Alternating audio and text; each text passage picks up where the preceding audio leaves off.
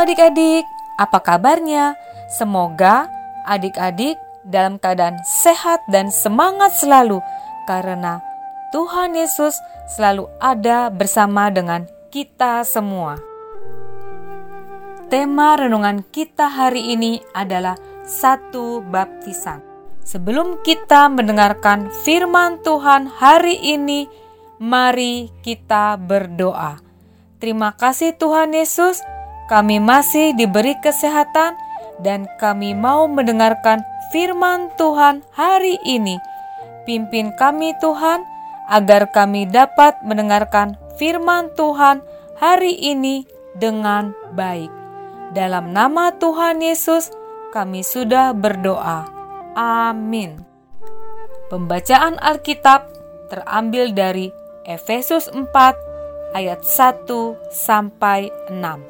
Beginilah firman Tuhan. Sebab itu, aku, orang yang dipenjarakan karena Tuhan, menasihatkan kamu supaya hidupmu sebagai orang-orang yang telah dipanggil berpadanan dengan panggilan itu. Hendaklah kamu selalu rendah hati, lemah lembut, dan sabar.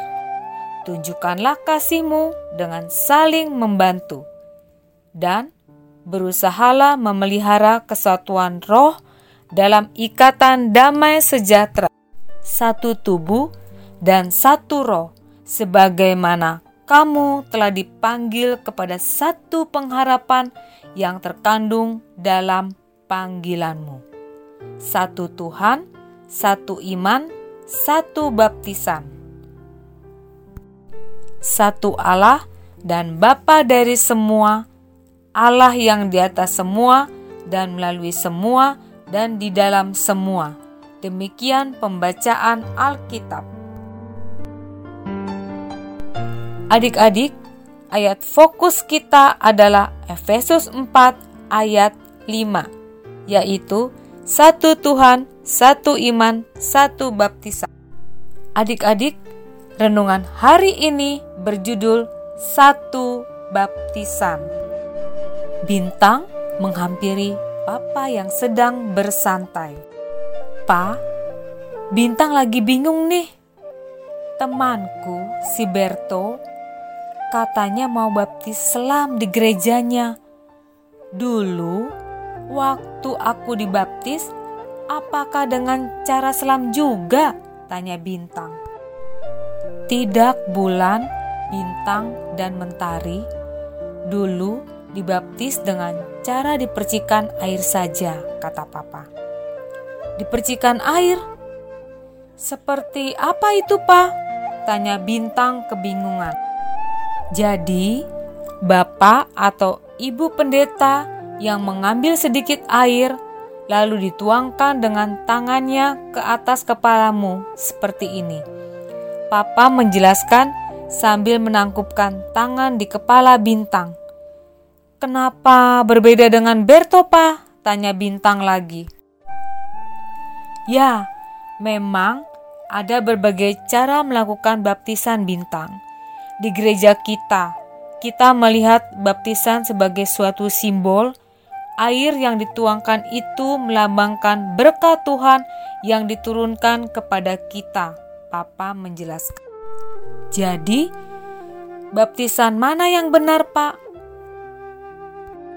Hmm, begini bintang.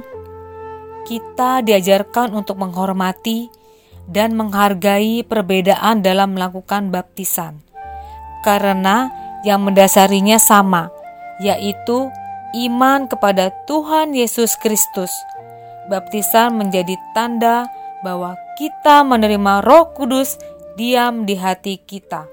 Jadi, ucapkan semangat pada Berto ya, jawab Papa sambil mengelus kepala Bintang. Siapa? kata Bintang antusias. Nah, adik-adik, dari renungan di atas, kita boleh menerima baptisan, yaitu iman kepada Tuhan Yesus Kristus dengan hati bersuka cita.